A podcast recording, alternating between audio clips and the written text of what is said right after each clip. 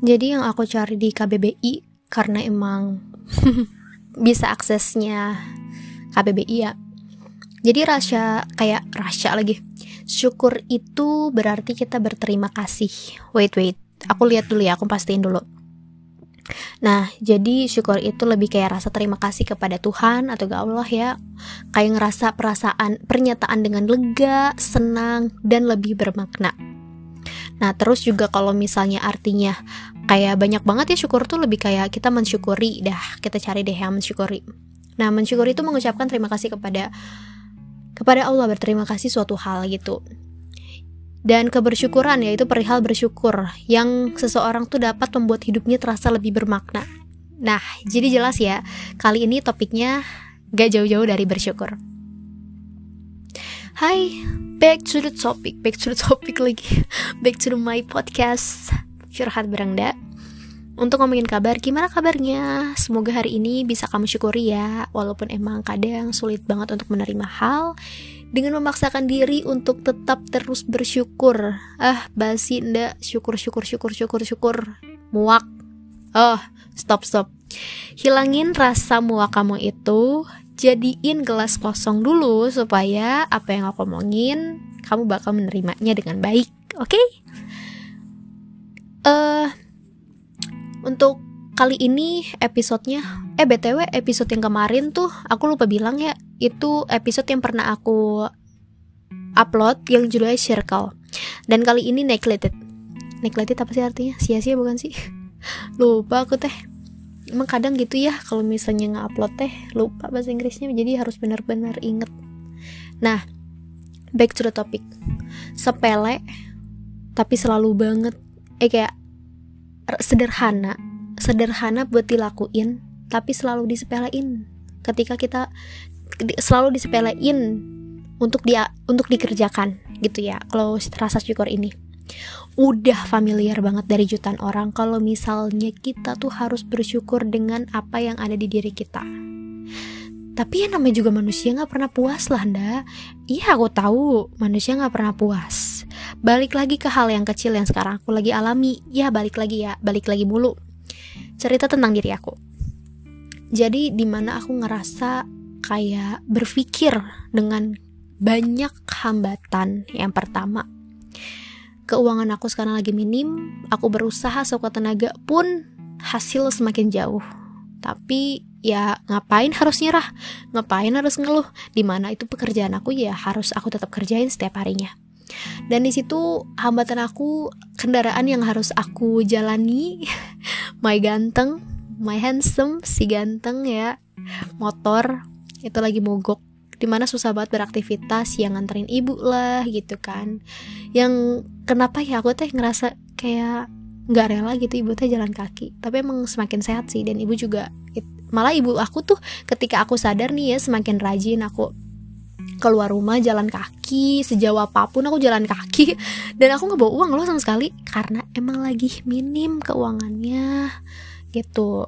Tapi aku sadar lah kalau aku diem di rumah terus nggak bersyukur loh ndak gitu loh. Kayak nggak bersyukur banget sih ndak di mana lu ada katalog? Di mana lu ada flyer? Bagiin.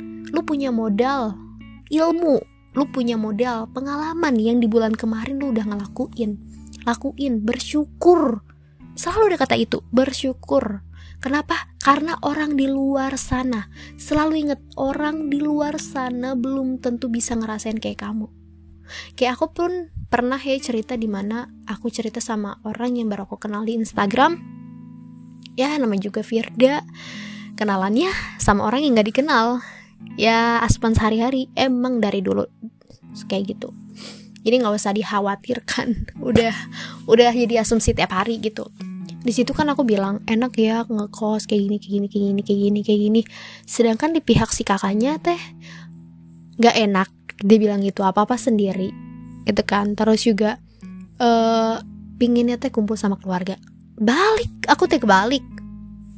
Kebalik? Aku suk aku pin ngekos aku pin ngerantau sejauh mana pun. Karena aku lebih suka sendiri gitu kan. Nggak suka ada orang tua yang di mana orang tua tuh apa apa teh komentar gitu. Komentarnya teh bukan ngebangkitin semangat tapi malah menurunkan semangat. Gimana sih jadinya?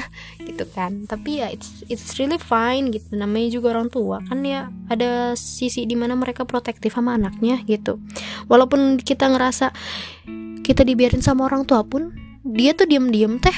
Beliau teh diem-diem tuh memerhatiin kita tahu sebenarnya. Malah ngedoain kita juga diem-diem yang kita di mana kita nggak tahu loh nggak usah sosokan deh so tahu uh, mikir, wih dia mah nggak ini ini ini ini gitu nggak usah, udah omongin aja yang terbaik, ciptain aja hal yang terbaik buat mereka, tetap doain walaupun sekeras apa pun mereka, di mana ya udah kan kamu juga udah tahu back to the topic, nah di situ aku langsung sadarkan, mikir-mikir lagi lebih dalam, lebih luas, jangan pakai sebelah mata doang gitu mandangnya, tapi dengan luas memandang memandang samudra. Wasinda nah di situ aku sadar mikir kalau aku ngekos yang pertama makannya keluar duit.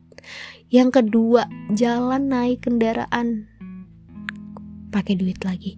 Yang ketiga di mana aku harus kerja keras mau nggak mau posisi aku ngekos pasti bawa kucing. Kucing kucing aku ya and families dan di mana kalau aku tuh sekarang lagi ditampar loh sama kenyataan aku nggak punya duit. Duit duit lagi. Aku nggak punya uang ya sebenarnya nih aku kasih tahu. Posisi di mana tanggal 16 November tuh masih nggak ada. Dan sekarang tuh duit untuk dipakai orderan orang dan keuntungan jualan buat ongkir. Lah Fir kayak gimana sih? Bukan udah dikasih ongkir. Gini loh kesalahan aku tuh banyak dan aku masih belum bisa ngatur keuangan makanya masih belajar banget untuk menata keuangan supaya aku jelas nih untungnya kayak duit keuntungannya buat dikemanain. Nah ya udah kan. Aku teh mikir gitu. Iya ya kalau misalnya aku ngekos posisi lagi kayak gini gitu aku sadar kenapa Allah nampar aku dengan posisi kayak gini dan semoga esoknya aku nggak ditampar lagi dengan keperihan gak punya duit gitu ya. Di situ posisi aku nggak ada duit terus aku mikir ya Allah belum lagi nih buat beli mak belum lagi buat beli tongkol gimana ya? Gitu kan. Eh tiba-tiba ibu bilang kayak gini teh kasih makan tuh gitu. Itu beli udah gitu pindangnya teh mau habis beli atuh gitu ambil uang di dompet ibu. Kebayang nggak kalau ngekos sendirian bingung mau minjem ke siapa? Ujung-ujungnya pakai ada kami. Ada kami yang minjem pinjol pinjol pinjaman online. Aku nggak pernah mau pakai gituan. Karena nggak tahu ya cara kerjanya gimana yang pertama. Lebih baik polos dan gak ngelakuin daripada ketika kita pin coba-coba akhirnya kita masuk jurang. Aku nggak tahu itu bener apa enggak ya. Aku nggak tahu juga. Nggak pernah berpengalaman dan nggak mau. Karena semaksimal mungkin aku pingin nih cobain dulu deh cari keuntungan dari jualan gitu kan. Ya udah di situ aku juga mikir lagi makannya gimana ya? Nyucinya gimana ya? Aduh apalagi aku ngelihat teman-teman aku yang ngekos teh kayak aku nggak kebayang sih ya pasti orang tua bakal ngeluarin uang lebih banyak untuk makan setiap harinya. Udah gitu beli lauknya keluar lagi. Belum lagi mereka kuliah ya aku paham lah sepadat apa mereka gitu kan. Belum nyuci baju nyetrika yang harus semua serba sendiri. Dan aku ngerasa aku harus lebih banyak bersyukur ketika di sekarang lagi di, lagi dikasih cobaan sama Allah.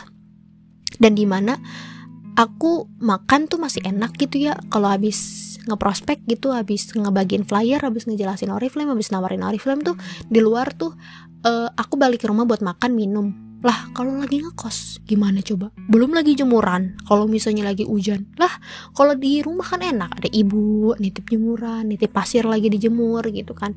Semua masih enak dan aku ngerasa kayak apa pun yang lagi dialami sama kita masing-masing pasti ada manis dan pahitnya karena kalau misalnya kita pahit doang gak enak dong kayak kopi kopi pahit kalau manisnya aja gulanya doang yang kita makan ya gak enak dong gak enak dong.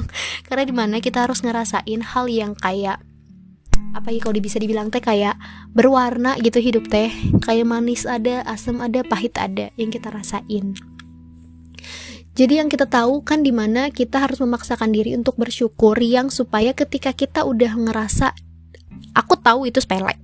Aku tahu kamu juga ya Landa aku mah udah bersyukur tapi apakah kamu ngerasa terpenuhi dengan apa yang kamu lakukan atas mensyukuri hal tersebut? Karena beda loh sama orang yang bukan memaksakan kayak orang yang iming-iming gue udah bersyukur. Tapi hidupnya tuh masih kayak gimana ya belum bisa ngerasa terpenuhi. Beda banget soalnya ketika kita ngerasa kayak pribadi. Ya ampun duit gue ada 10 ribu. Doang. Doang ih enak banget dah. Dia ada 100 ribu. Gue kalau udah dapet 100 ribu gue bakal kayak gini kayak gini kayak gini kayak gini kayak gini. Nah di situlah kalau misalnya kamu ngerasa satu stuck doang cuman sebelah mata doang mikir kita nggak tahu loh dia yang punya duit 100 ribu itu justru emang perlunya 100 ribu. Karena buat apa? Buat makan pagi siang sore. Belum lagi buat uh, apa ya hal yang sepele deh kayak buat bayar SPP atau pak ini ini.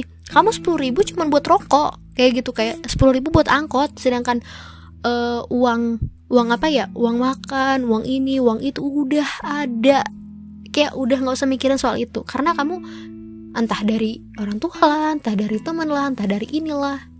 Jadi men penting banget buat bersyukur. Hal sepele tapi jarang orang lakuin dengan sadar. Di mana kita sudah berhasil mensyukuri kita ngerasa hidup kita jauh lebih bermakna Makanya bahagia itu sederhana ketika kita bersyukur. Ya, gak usah iming-iming lagi di mana kita kayak ngerasa iri. Orang yang iri gak baik. iri dengan prestasi orang, ya kejar. Kejar. Bahkan berarti kita stuck kayak, ah iyalah dia mah berhak. Enggak.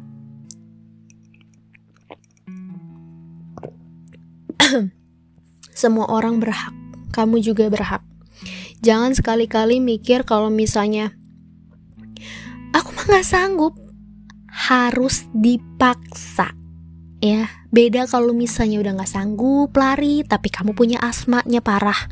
Ya udahlah itu mah udah kondisinya udah kurang stabil ya jangan jangan dipaksa kan balik lagi ke podcast aku yang pernah aku upload soal paksaan itu. So thank you very much listening my podcast and see you next time. Bye-bye.